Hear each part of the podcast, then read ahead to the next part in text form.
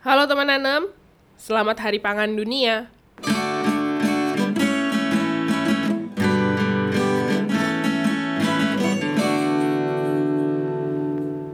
Tanggal 16 Oktober setiap tahun diperingati sebagai Hari Pangan Dunia. Semua orang yang ada di sektor pangan memainkan peranan yang sangat penting dalam memastikan ketersediaan pangan yang bergizi.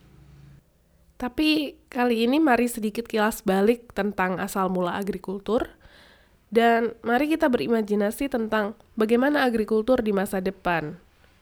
Terlebih lagi setelah pandemi di tahun 2020 ini. Manusia mulai bercocok tanam sekitar 10.000 tahun yang lalu. Menetap di suatu tempat, menciptakan berbagai macam hal, dan membangun peradaban. Pendeknya, peradaban manusia tercipta karena agrikultur, atau kegiatan bercocok tanam dan memelihara hewan ternak. Dan kini, 40% dari daratan yang ada di bumi digunakan untuk tanah pertanian. Di masa depan, bagaimana caranya kita bisa menghasilkan pangan yang sehat dan bergizi untuk populasi manusia yang semakin meningkat. Kalau sekarang saja 40% dari daratan sudah digunakan untuk pertanian. Sekarang mari kita bicara tentang revolusi agrikultur ke-1 yang terjadi di abad ke-18. Karakter dari revolusi agrikultur ke-1 ini adalah ekspansi dan eksploitasi besar-besaran. Menciptakan pangan dengan menebangi hutan, menghilangkan populasi bermacam satwa liar, menghambur-hamburkan air bersih, bahkan membuat iklim bumi menjadi terganggu dan tidak lagi stabil. Kalau dibiarkan, kita tidak akan memiliki masa depan.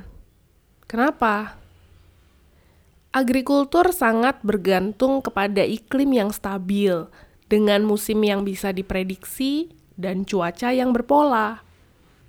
Artinya, kita tidak bisa lagi dengan mudah membakar lahan untuk membuka hutan. Karena kalau kita melakukan itu, akan menambah kerusakan lingkungan dan menghilangkan kestabilan yang dibutuhkan oleh agrikultur. Oleh karena itu, kita memerlukan revolusi agrikultur kedua, di mana lahan yang sudah ada harus bisa menghasilkan lebih banyak bahan pangan untuk jangka waktu yang panjang dan tetap menjaga keanekaragaman hayati, menghemat air, dan mengurangi polusi serta emisi gas rumah kaca. Jangan salah, gas rumah kaca tetap diperlukan, tapi dalam jumlah yang terkontrol.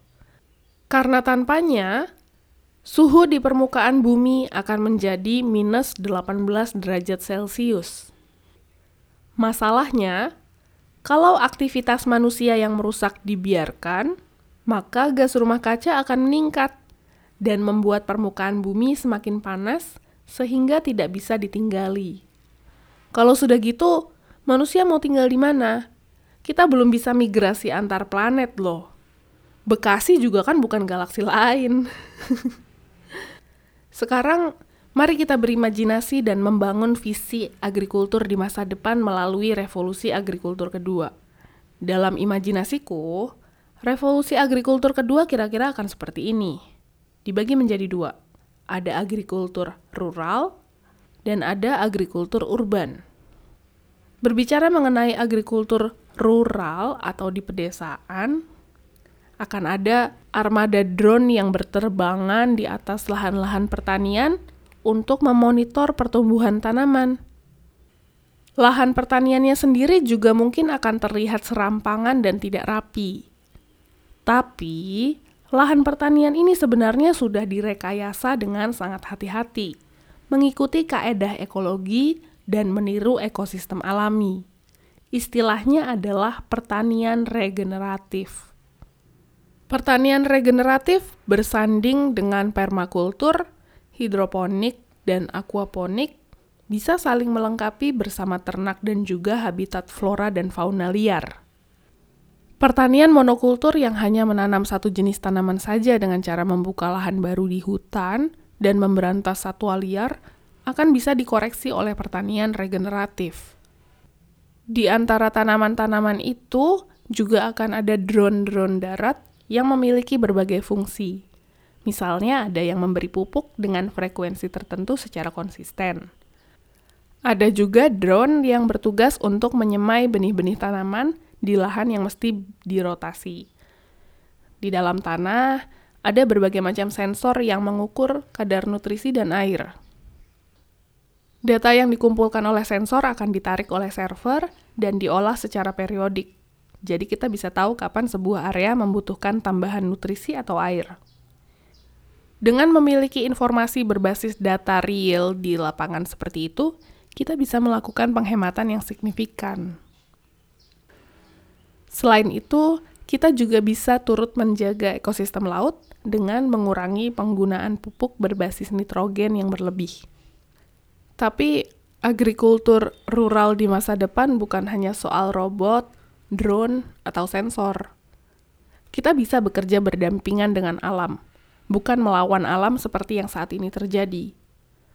Setiap daerah memiliki nuansa ekosistem lokalnya tersendiri, dan karena itu setiap daerah menjadi unik satu sama lain. Ekosistem pangan yang hiperlokal bisa tercipta. Selain itu, biaya yang harus dikeluarkan petani pun juga menurun karena penggunaan sumber daya buatan yang sedikit, misalnya seperti pupuk dan pestisida. Teknologi juga bisa diterapkan tidak hanya untuk optimasi produksi, tetapi juga untuk penggunaan energi terbarukan. Misalnya, petani kecil tidak lagi harus mengandalkan listrik dari PLN untuk menyalakan pompa yang digunakan untuk mendapatkan air dari sumur-sumur bor. Karena semakin dalam sumurnya, maka energi listrik yang digunakan juga akan semakin besar. Petani bisa menggunakan pompa yang bertenaga surya ataupun angin, ini sudah banyak dilakukan di berbagai negara di Afrika dan terbukti sukses serta hemat energi. Sayangnya di Indonesia belum banyak. Dengan mengintegrasikan pertanian ke habitat satwa liar, negara tropis seperti Costa Rica berhasil meningkatkan produksi pangan serta melipat gandakan pertumbuhan hutan karena adanya polinasi alami dari serangga dan hewan-hewan lainnya. Pengendalian hama juga bisa dilakukan oleh burung dan serangga predator. Produksi pangan yang berkesinambungan sekaligus menjaga bumi sebagai satu-satunya habitat manusia. Inilah yang disebut dengan bekerja bersama alam. Sekarang, mari kita sedikit menyinggung pertanian di Indonesia. Sebagai negara kepulauan, pertanian Indonesia didominasi oleh beras atau padi. Beras ditanam di sawah yang menggunakan banyak sekali air. Dia dikonsumsi oleh lebih dari 3,5 miliar manusia di bumi, yang artinya adalah salah satu bahan pangan pokok yang krusial. Padahal produksi beras sendiri juga menghasilkan emisi gas metana lebih dari 11% per tahun, yang berkontribusi pada 2% emisi gas rumah kaca global setiap tahunnya. Belum lagi kalau bicara soal kegiatan pasca panen yang memproduksi gas rumah kaca yang lebih besar. Lalu, solusi apa yang bisa kita terapkan pada pertanian beras di Indonesia? Mungkin kita bisa bereksperimen pada strain atau jenis beras baru yang bisa menghasilkan lebih banyak per hektar persegi. Menerapkan sistem persawahan yang lebih hemat air, mengadopsi cara penanaman benih padi yang tidak padat karya, Misalnya dengan menggunakan drone darat khusus untuk pembenihan dan pindah tanam. Hal-hal ini sudah mulai dilakukan di Bangladesh, Kamboja, dan Nepal, yang berefek positif pada peningkatan panen dan juga pendapatan petani, dan berkontribusi terhadap penurunan emisi gas rumah kaca di sana. Selain itu, petani-petani kecil yang menanam tanaman pangan selain pangan pokok juga bisa menggunakan teknologi kapsul pendingin bertenaga surya. Tanaman yang termasuk perishable crops atau bisa cepat rusak bisa jadi berusia lebih panjang karena dimasukkan ke pendingin. Hasil panen yang belum bisa dijual karena harga di pasar sedang turun bisa disimpan sedikit lebih lama. Ini akan memberikan keuntungan pada petani karena mereka tidak menanggung kerugian yang besar saat harga turun. Jadi, petani bisa memiliki penghidupan yang lebih baik, tapi juga bisa mengurangi jumlah produk yang membusuk dan harus dibuang. Kan sayang ya. Sekarang mari kita bicara soal agrikultur urban. Pertanian skala kecil bisa diadopsi oleh berbagai keluarga ataupun komunitas masyarakat, sehingga membentuk jaringan pangan yang juga hiperlokal. Artinya, kebutuhan pangan bisa disuplai oleh masyarakat sekitar dan kampung tetangga. Tidak perlu lagi memasukkan bahan pangan dari daerah lain dengan resiko berkurangnya vitamin, mineral, dan hal-hal baik lainnya dari bahan pangan tersebut. Belum lagi kalau bicara soal jejak karbon yang ditinggalkan di permukaan bumi akibat aktivitas transportasi.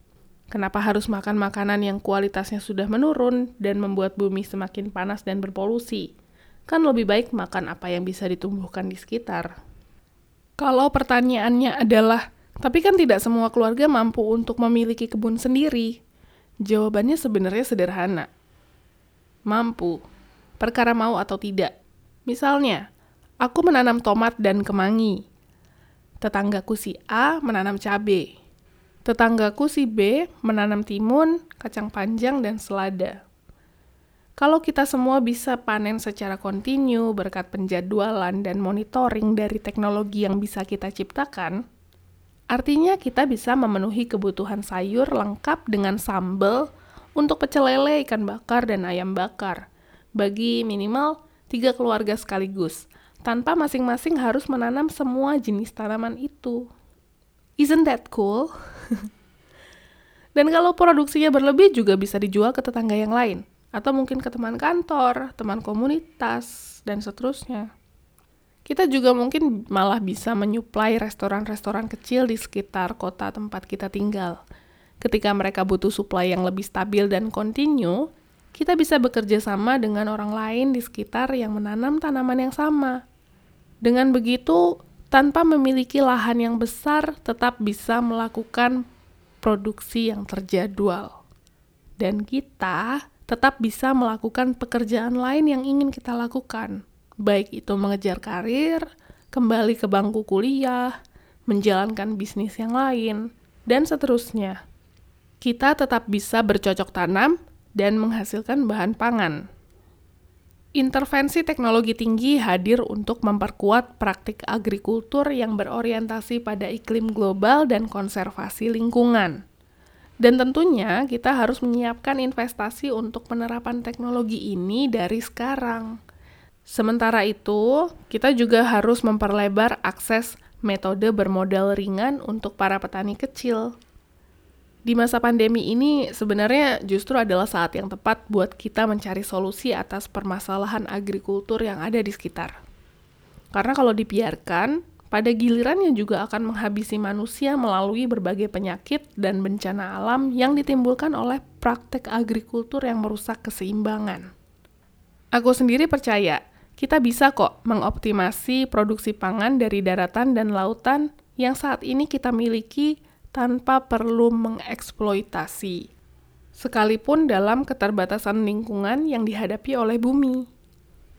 Kalau mau dibilang naif, juga silahkan. Tapi sebenarnya hal ini membutuhkan koordinasi dan kerjasama semua orang dalam tataran global.